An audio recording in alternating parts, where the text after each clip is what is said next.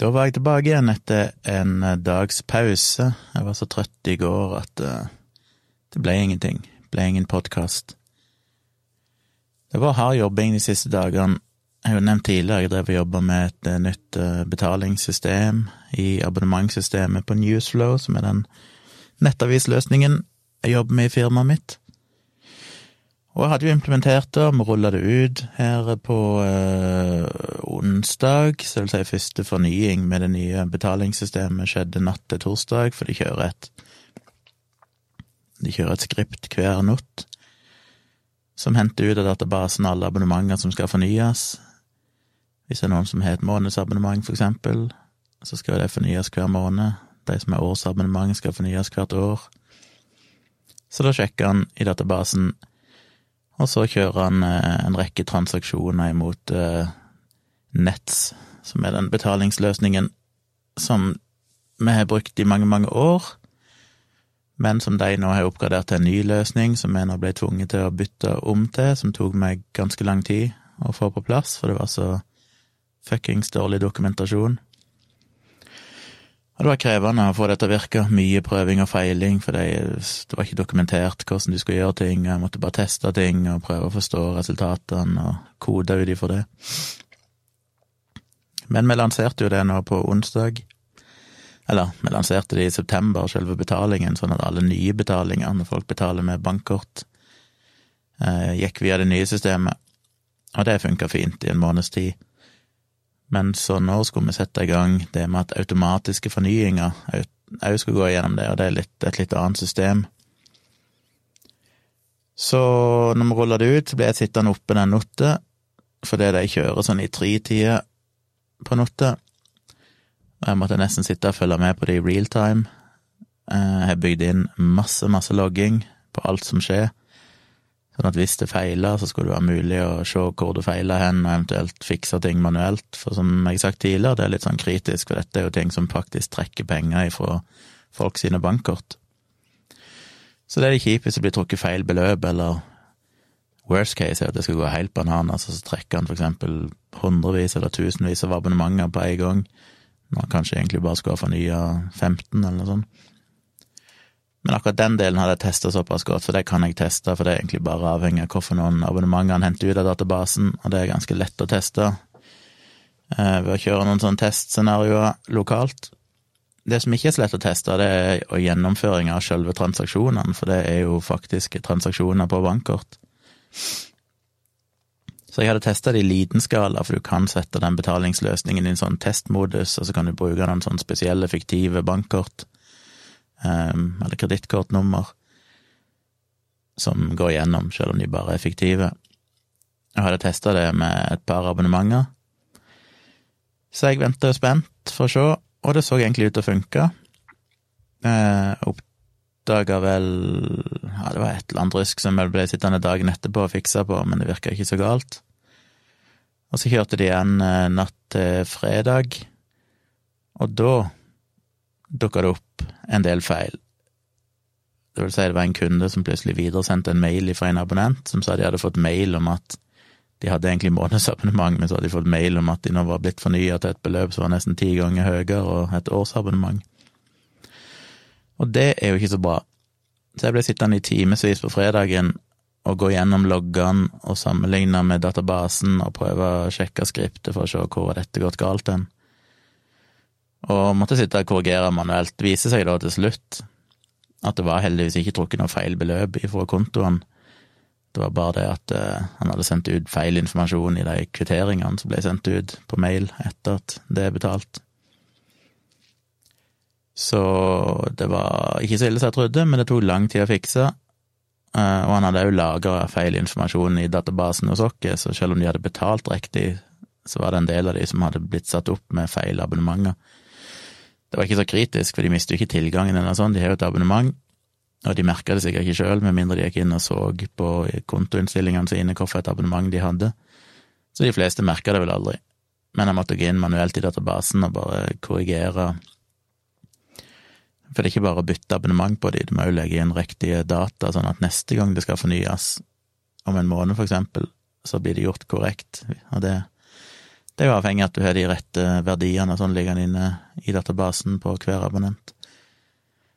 Så jeg ble jo sittende natt i eh, natt, natt i dag, natt til lørdag òg, og følge med. Og da kjørte det på nytt, og da virka det stort sett. Igjen så var det en bitte liten feil, så jeg ble sittende oppe og fiksa. Men det er blitt mange netter der jeg bare sittet og venta på at de fornyingene skulle kjøre. Men nå skal det funke. Så det er en god ting. Det var liksom sånn egentlig jeg forventa. Det hadde vært nesten et mirakel hvis det bare gikk helt glatt. Så noen uh, smårusk var der, og heldigvis hadde jeg forberedt meg godt nok med at jeg hadde såpass omfattende logging at uh, jeg kunne pusle sammen hva som hadde skjedd, og fikse ting manuelt etterpå. Og det er viktig. Så jeg har brukt en del tid på å fikse sånne ting, og det er blitt litt lite søvn, fordi i tillegg til at jeg har sittet oppe til kanskje fire om natta for å gjøre dette her, så jeg måtte opp eh, et par dager tidlig med hunden, eh, eller andre ting. Så jeg har en stor ambisjon, nå er klokka litt over ett, jeg har en stor ambisjon om å legge meg etterpå og sove veldig mange timer for å prøve å ta inn igjen en del dager med søvnunderskudd, for nå merker jeg faktisk at jeg er ganske trøtt. Um, så jeg har fått noen spørsmål det er sikkert mye jeg kunne snakke om. Før jeg gjør det, så kan jeg jo bare si to ting. Én er igjen hvor takknemlig jeg er for at dere støtter meg her inne. Jeg syns jo det er helt fantastisk eh, snilt gjort at dere vil følge med på det jeg gjør, og støtte meg økonomisk. Det tar jeg på ingen selvs måte for gitt. Og ja, det er bare utrolig kult at det er noen som faktisk setter pris på det jeg gjør, og at dere faktisk vil til og med bidra litt økonomisk for å holde det i gang, og kanskje gi meg muligheten til å gjøre mer hvis jeg kommer litt høyere på antall patrons, eller får litt andre inntektskilder på denne fronten. Men inntil videre så er det iallfall en utrolig god hjelp, og et viktig steg på å komme der jeg håper å komme etter hvert. Så det vil jeg si. Det andre er at jeg må minne på at eh, søndag kveld, søndag 11. oktober altså, så blir det jo en åpen samboerapparat for alle. Så da kan alle høre på, uansett hvilket patron-nivå dere er, eller om dere er patron i det hele tatt. Så legger vi den ut livestream rett på YouTube. Vi har ikke fått inn noen tips om eh, tema eller noen spørsmål og sånn, så vi får finne på et eller annet. Jeg har et par ideer, så jeg skal få posta i morgen så fort jeg har fått sove ut. Så poster jeg hjem og ja, informasjon om det men klokka åtte søndag kveld, i morgen altså, når jeg spiller inn dette, så blir det samboerprat livestream, så jeg håper dere vil delta på. Men jeg har fått et par spørsmål til meg som jeg eh, kunne ha besvart i kommentarfeltene, fordi jeg kom til via kommentarfeltet inne på Patrion, men jeg velger å besvare det her i podkasten, for det er alltid greit å ha noe å snakke om, og det krever ofte Litt mer enn jeg kan formulere på noen korte setninger i et kommentarfelt. Ah, drikke litt Cola sier hun. Kai, eller først kan jeg ta Katrine, som bare skrev at uh, hun ikke fikk lov til å ta Boosterix og influensavaksinen på samme dag. Jeg nevnte jo det at jeg hadde vært revaksinert meg, og jeg tok både den Boosterix, som altså er kikhoste, stivkrampe, difteri og polio, i én arm og sesonginfluensavaksinen i den andre armen. Og det virka som var helt greit. Jeg var jo litt usikker på om det var greit, men de sa ingenting.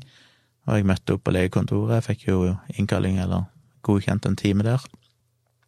Så det gikk helt greit som meg, og jeg ikke merka at det skulle ha noen eh, være noe problematisk. Så hvorfor hun ikke fikk lov til det, det vet jeg jo ikke. Hun skriver jo sjøl kanskje det er forskjellig praksis. Ja, kanskje, men det virker veldig rart. Det burde vel være noen, eh, noen eh, offisielle retningslinjer på det som alle skal følge. Hvis det er noen grunn til å ikke gi begge samtidig, så, er det vel, så bør ikke det være individuelt eh, på forskjellige praksiser. Derimot så kan det jo være individuelt fra person til person. Jeg aner ikke hvordan historikk Katrine har med vaksiner eller sykdommer. Så om det finnes noen indikasjoner Nei, kontraindikasjoner, det jeg kaller det, for at hun ikke skal ta begge vaksinene, det vet jeg ikke. Um, selvfølgelig, mm, siden jeg er effekter, så går jeg ut ifra at i utgangspunktet er det greit, men så kan det selvfølgelig være individuell praksis i den mer sikre retningen, det er jo greit nok. At det er noen som vil safe litt mer. Kanskje denne legen har hatt en pasient tidligere som fikk begge og ble dårlig, eller noe sånt. Kanskje det er bare en personlig erfaring som gjør at de ikke ønsker å gjøre det igjen. Eh, gudene vet. Men jeg jo, fikk iallfall det. Og jeg skrev jo i Når jeg bestilte time, så skrev jeg jo at jeg hadde tatt influensavaksinen de siste 15 årene. Så kanskje de bare regner med at jeg hadde en såpass grei vaksinehistorikk uten noe problem at eh, jeg er iallfall en av de som sannsynligvis ikke ville ha noe problem med å ta begge. Men det er klart, hvis en har en historikk der en enten ikke har tatt de vaksinene før, eller ikke har eller har reagert på de på noe vis, så vil de jo mest sannsynlig være mer forsiktige. Så jeg vet ikke. Eh, Kai kom med et tricky spørsmål. Han skriver Hva er sannheten bak tre for to i matbutikker? Så skriver han at de har en knallhard diskusjon hos oss. Med oss er det kanskje familien eller han og kjæresten sin eller et eller annet sånt. Han fortsetter med du kan eksempel velge tre produkter fra Jacobs og få 33% rabatt. Det kan være brød, krydder, smør videre. Måtte bare google det i full fart. Jeg ser det blant annet Meny, som har en del utvalgte Jacobs-produkter. Det de lister opp hvorfor noen du kan få tre for to. Jeg ser det er brød, det er egg, det er juice, det er bacon, skinke, ost, forskjellig pålegg og sånne ting. Um, ja. Så hva er greia med tre for to? Nå har ikke jeg rukket å tenke så mye på dette. Men kjøper du tre produkter til 50 kroner, så blir det 150 kroner i sum. Får du da tilbake 33% så har du fått ett av produktene gratis. Kjøper du produkter som koster ulikt, så eh, så vidt jeg kan se, må det vel stort sett ende opp med å gå i pluss for deg som kunde. At du i snitt vil få Hvis jeg kjøper ett, hvis jeg kjøper ett produkt til 50 og to produkt til 100, så koster det 250. Og jeg regne ut her. Og får du 33% tilbake, så har du betalt 167 Nei, det var ikke det jeg skulle si. Hvis du har betalt Hvis du har kjøpt to dyre produkt og ett billig, det er det 250. Ah, fuck, jeg klarer ikke å regne. Men psykologien i det er jo eh, mer interessant, kanskje, for det hvorfor gjør de dette? For så om Uansett ville du tjene på det som kunde, du får ett av produktene gratis. Spørsmålet er jo om ja, det er vel to ting. Det ene er om det får deg til å handle mer. At du tenker tre for to. Å ja, psykologisk så føles det som at du får en del gratis. Så du plukker kanskje med deg en del mer produkter, ikke bare tre istedenfor to, men kanskje enda flere enn tre. Spesielt hvis de da har dette her stilt ut på ett sted, eller noe sånt. Det er jeg litt usikker på, om det har noen egne hyller der det står merka disse produktene er tre for to. Det er såpass forskjellige produkter at de kan vel ikke nødvendigvis stå på samme sted, men uh, og det andre er jo om du, hadde, om du ender opp med å kjøpe dyrere produkter enn du ellers ville gjort. Eh, for eksempel eh, kan en tenke seg at eh, Ja, det tenkte jeg ikke på før, men Meny Jeg vet ikke helt hva sammenhengen mellom Meny og Jacobs er, men Jacobs er vel ikke det litt sånn dyrere produkter generelt sett? Litt sånn eksklusive Assosierer det med litt sånn vestkantbutikker. Jacobs. Du finner ikke Jacobs på østkanten. Uh, så tenker jeg hvis de har noe sånn billig First Price-skinke og sånn slengende rundt, men så har de tre for to på Jacobs sin uh, Prager-skinke, og du da tenker at å ja, det var et godt tilbud, da velger jeg heller den, så ender du faktisk opp med å bruke mer penger hos de enn det du hadde gjort hvis du hadde kjøpt den billige skinken fordi de ikke hadde dette tre for to-tilbudet på spesifikt Jacobs-produkter, som da kanskje er dyrere i utgangspunktet. Jeg vet ikke. Men det er vel det som er hensikten. Det er jo det som er hensikten med alle sånne ting, der du tilsynelatende får et eller annet gratis. Det er jo én, trekke deg inn i butikken fordi du kommer til den butikken fordi de har dette tilbudet, som betyr at de får dine penger som de kanskje ellers ikke ville fått i det hele tatt, og dermed så er de vel regna på at det kanskje lønner seg. To, du kjøper kanskje dyrere produkter enn du ellers ville kjøpt, hvis de tre for to-tilbudene gjelder for produkter som ikke er blant de billigste variantene her, det er ikke den billigste skinken, det er ikke det billigste brødet, eh, og dermed ender du opp med å bruke mer penger. Eller tre, at du kjøper mer enn det du ellers ville gjort. Du kjøper deg eh, Kanskje du bare trengte én ting, ei flaske juice, men siden de har tre for to, så ender du opp med å kjøpe to ting til. Og ja, du får den ene gratis, i praksis, ish, men eh, du har allikevel brukt ekstra penger på et annet produkt. Så summen av de tre faktorene der, de psykologiske mekanismene, har de nok regna ganske nøye på og funnet ut at totalt sett så går jo de i pluss på dette. Ellers ville de ikke gjort det. Altså, det finnes jo kun én fasit der, og det er jo at de går i pluss. Og så er spørsmålet akkurat hvilken mekanisme er det som gjør at de går i pluss. Det betyr jo ikke at du som individ nødvendigvis taper på det. Det kan være et godt tilbud for deg. Dette handler jo om summen av alle. Eh, alle som handler i butikker totalt sett i Norge. At de klarer å dra til seg en større andel av den totale kundemassen. Så selv om det kan være et godt tilbud for deg som individ, så kan det fortsatt være noe som de tjener på, fordi at de får flere som deg inn i butikken. Så jeg vet ikke. Det er vel det eneste jeg har å si om det. Det er vel eh, psykologi. Så hvis spørsmålet er om du blir lurt, så tror jeg ikke det. For som sagt, som individ så blir du, hvis du, eller for å si det sånn, hvis du uansett går og handler der, og dette er produkter du ellers ville ha handla, så blir du ikke lurt. Men hvis du ender opp med å kjøpe disse Jacobs-produktene, heller enn å kjøpe billigere produkter, eller færre produkter, eller handle i en annen butikk som kanskje er billigere varer generelt sett, så blir du på et vis lurt. For da ender du sannsynligvis opp med å bruke mer penger, selv om du tror du har spart penger. Så det er vel egentlig det som er greia. Et siste spørsmål ifra AJ, som han eller hun kaller seg.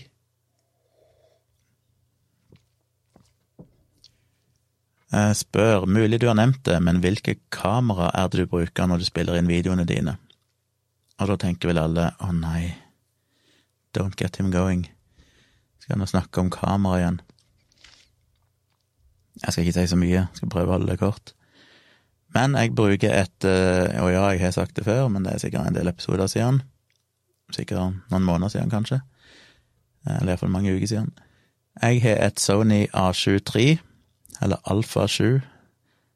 Noen, det står jo egentlig for alfa, det er en sånn alfategn, men det blir jo egentlig uttalt som A. A7 3. Kamera, som jeg har to av, kjøpte jo ett til her tilbake i august, for det skulle være bryllupsfotograf, og da må du ha to kamera. Og det er jo et eh, fantastisk bra kamera. Det er jo veldig mange regna som det finnes jo teknisk sett bedre kamera som er kommet nå det siste året eller to årene. Eh, for dette kameraet er vel Hvor gammelt er det? Tre, tre år gammelt, eller sånn, siden det kom ut. Men når det kom, så revolusjonerte det jo alt. Det var jo det første kameraet som kunne filme så bra video og ta så bra bilder. Det hadde liksom kvaliteter som du måtte opp i ekstremt mye dyrere kamera for å finne.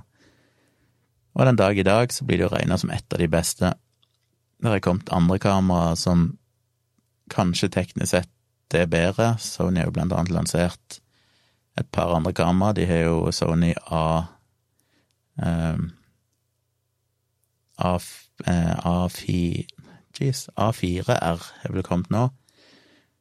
Så de er på en måte den der eh, A7-serien som har tre varianter. De har den som er bare A7, og så en eller annen versjonsnummer, som i dette tilfellet er tre.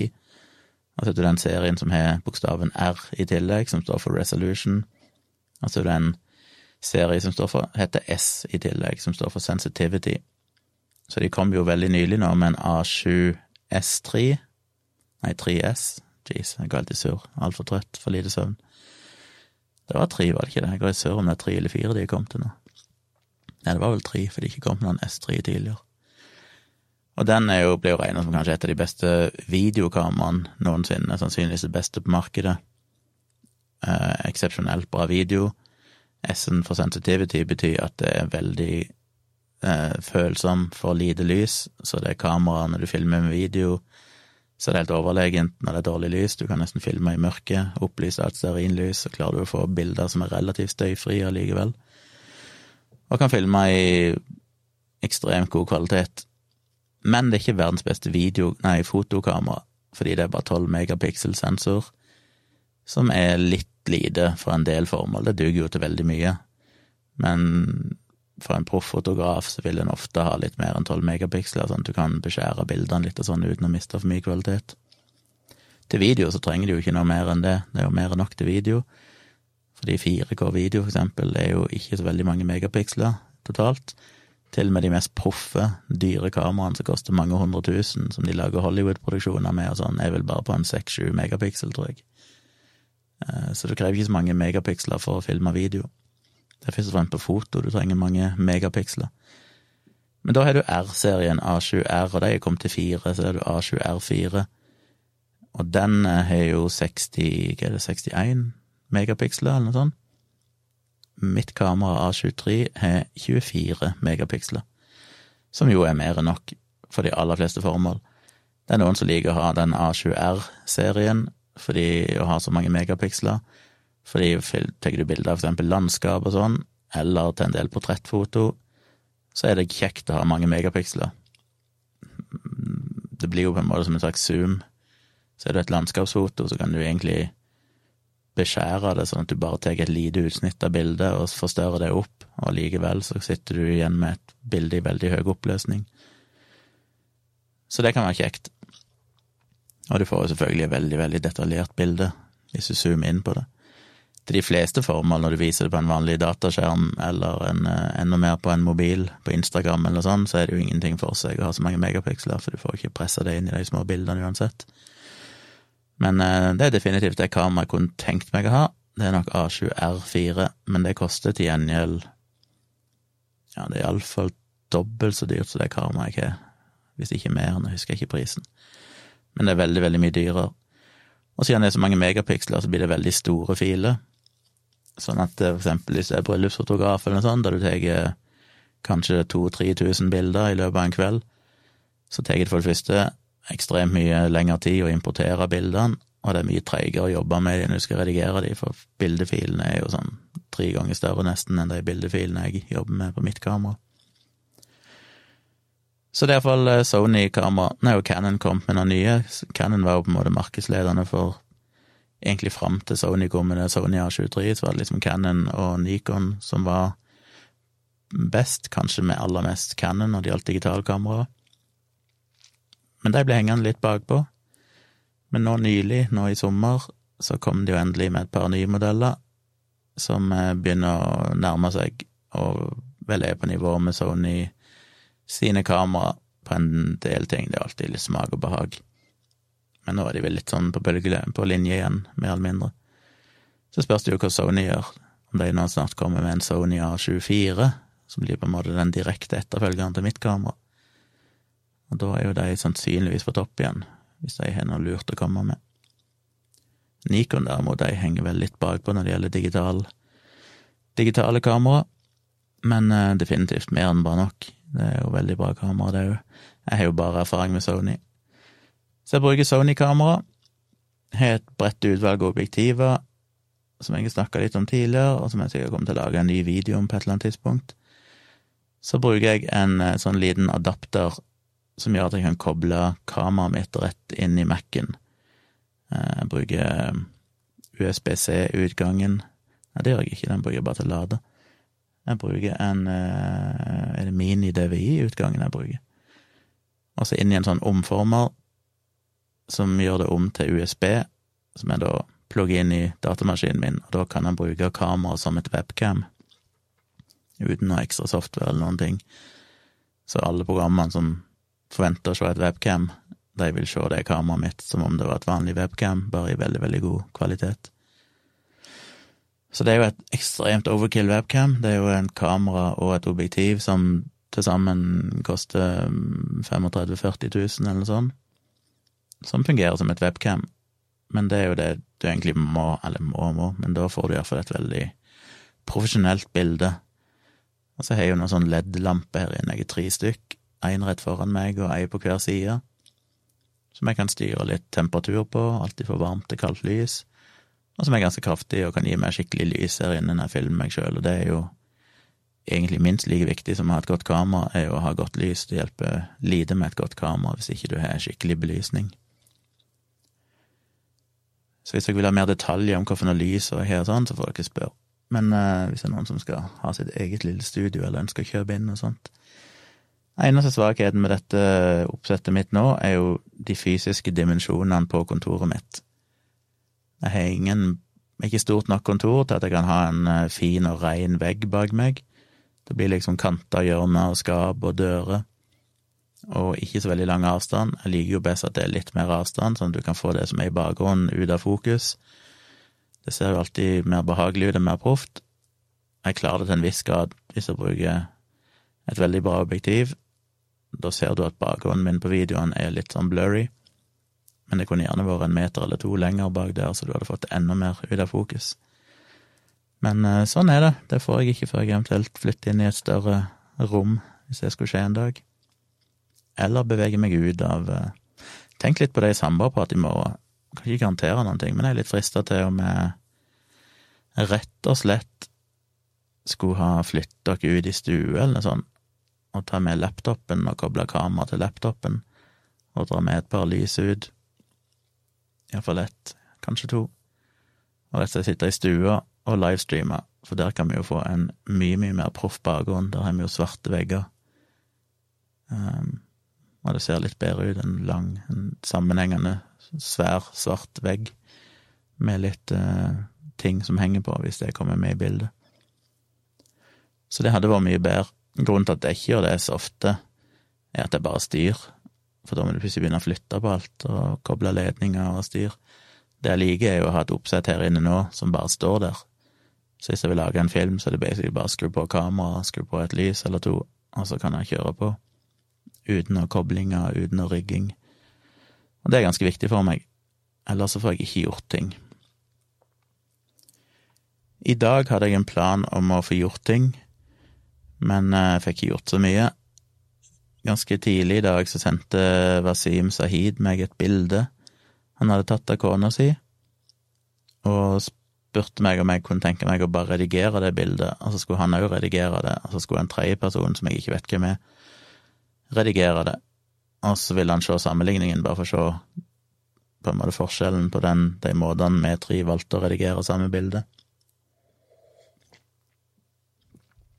Og det er jo en challenge jeg alltid ønsker, og jeg blir jo så jævla sånn Jeg får sånn konkurranseinstinkt at jeg tenkte ikke det her må jeg vinne. jeg må være best. Og det var jeg vel. Det var Jeg blindtesta Tone, Vi sto de tre bildene, hun valgte mitt som det beste. Wasim syntes mitt var det beste. Ingeborg Senneset syntes mitt var det beste. Og jeg syns vel i all beskjedenhet sjøl at mitt var det beste. Men eh, ja, så da var jeg fornøyd. Jeg redigerte best, hadde vært skikkelig nedtur, og ikke hatt det beste bildet, siden jeg tross alt er den som kanskje tar foto mest seriøst av oss tre. Ja, den tredje personen vet jeg ikke hvem er. Eller, jeg hørte han sa navnet, men det var en helt ukjent person, en kompis av Wasim eller noe sånt, som jeg ikke vil anta er en profesjonell fotograf eller noe sånt, ut ifra redigeringa. Så jeg følte jo at dette her må jeg vinne, ellers kan jeg ikke ta meg sjøl seriøst som bilderedigerer og fotograf. Men det tok bitte grann tid. Og så fant vi ut at uh, vi skulle stikke bort på en sånn Coop Obs som er et uh, kvarter, 20 minutter går herifra. For jeg hadde en pakke jeg måtte hente, som de leverte ut hos Post Nord. Det er så irriterende. Hvis de kommer med vanlig post, så trenger jeg bare gå fem minutter til nærmeste butikk her. Kiwi, nei, Coop-butikk, nei, ikke Coop, eh, Rema 1000. Der er de sånn post i butikk. Men når de blir sendt med Post Nord, så må jeg gå et stykke lenger. Og det er for så vidt greit nok normalt, bare at i dag så pøsregner det. Så jeg fikk med meg Tone, så vi kunne ta det som en liten tur og ta med oss hunden, så hunden fikk en liten gåtur. Og hun, Kyla, hunden, er ikke så veldig fornøyd med regn. Det er jo det verste hun vet. Så vi kledde på ei sånn lita regnjakke som jeg kjøpte henne, som jo gjør at hun blir supersøt, og dro med oss ut i regnet. Og hun er jo så drama queen, det er jo som at det er verdens undergang hvis hun får litt regn på seg. Men eh, så ble hun veldig kald òg. Men det gikk nå greit. Vi gikk bort der, henta pakken min, shoppa noen ting på Coop Ops, for det, der har de jo så ekstremt mye utvalg sammenligna med den lokale butikken her, den Rema 1000 eller Kiwi som er nærmest, som er greie butikker, men langt på nær samme størrelse og utvalg som de har der borte. Men jeg gidder sjelden å gå bort til den store butikken, for det er så mye lenger å gå. Når du skal brasse med deg tunge bæreposer hjem igjen, så er det et stykke å gå. Men da benytter jeg anledningen til å, å shoppe noen ting. Og så eh, blir jeg litt sånn at hvis jeg ikke kommer i gang med ting ganske fort, og når vi hadde gått bort der og tilbake igjen, så orker jeg på en måte ikke begynne på noen ting. Så da eh, tenkte jeg nei, fuck it, tar jeg dette som en rolig lørdag. Så meg og Tone ble sittende og se på en sånn eh, ja, Jeg fikk ikke med hva det het engang, men en sånn det var på Amazon Prime. Han der Bear Grills, som var programleder, for liksom en sånn verdens tøffeste race, der de er på Fiji-øyene og reiser i hva var det, 671 kilometer, med padling og sykling og svømming og klatring og omtrent som sånn 71 grader nord, bare ekstremt mye hardere. Og 66 forskjellige lag, med fire på hvert lag fra hele verden som er med, og mange episoder. Og vi har vel sett fem-seks av de episodene nå, bare pløyd gjennom de. De varer jo varer ei stund, så vi har brukt hele kvelden på det. Men nå ble det så seint at vi måtte stoppe, jeg tror det var én episode igjen. Vi har allerede sett hvem som vant, så nå følger de egentlig bare de lagene som er dagevis etter de andre, før de kommer i mål. Men eh, interessant, jeg liker sånne ting. Og så har vi lagd dere middag. Jeg lagde meg igjen en fantastisk asiatisk måltid som jeg er blitt hekta på. Frese opp litt kyllingstrimler. Frese opp noe frosne grønnsaker eller wokblanding. Eh, blande det sammen og hive oppå en sånn pose med sånn ferdig asiatisk saus som er sinnssykt godt, sånn soyabasert med et eller annet forskjellige varianter. Eh, Blue Dragon er det de heter, det merket. Blande oppi det og bare la det surre litt. Av og til med ris, jeg hadde ikke laga ris i dag, jeg hadde nok egentlig med grønnsaker og kylling og saus, og det smaker jo Det ser jo delikat ut, og det smaker jo som om jeg hadde vært på en eh, thai-restaurant eller asiatisk restaurant. Det er latterlig godt. Så det koste jeg meg med. Så det er egentlig det sånn dagen har gått i dag, og i morgen skal jeg sove lenge, som sagt. Og så tenkte jeg virkelig jeg skal prøve å få gjort et eller annet, eh, skrive eller lage video. For i morgen er jeg en helt åpen dag. Iallfall fram til samboerprat. Ellers er vel det kjipeste for tida er jo koronasituasjonen. At uh, jeg savner dattera mi. Hun bor i Kristiansand med sin mor, min eks. Og de som har fulgt meg ei stund, vet jo at uh, hun er jo her ganske ofte. De første første, halv, første halvåret av hennes liv så var jo meg og mor hennes sammen. Nei, første halvåret, sier jeg. Første ett og et halvt året så var vi sammen. Så ble det slutt mellom oss, og så begynte vi å ha 50% hver i eh, et drøyt år, der vi bodde på samme lille sted på Tonstad. Bodde jo ikke så mange hundre meter ifra hverandre, så hun var ei uke hos mora og ei uke hos meg og gikk i samme barnehage og sånn, så vi bare bytta på hvem som henta henne. Veldig greit. Så da hadde jeg henne vel i omtrent halvannet år, hadde jeg jo 50% Og så flytta, ville eksen min flytte tilbake til Kristiansand, der hun opprinnelig kom ifra. Og så ble vi enige om at dattera mi skulle flytte sammen med henne til Kristiansand. Og da ble jeg sittende alene igjen på Tonstad og tenkte dette er jo ikke noe liv. Så da bestemte jeg meg dramatisk nok for meg, for jeg hadde jo bodd på Tonstad hele mitt liv, basically, og bare tenkte nei, shit, jeg eh, skal flytte til Oslo.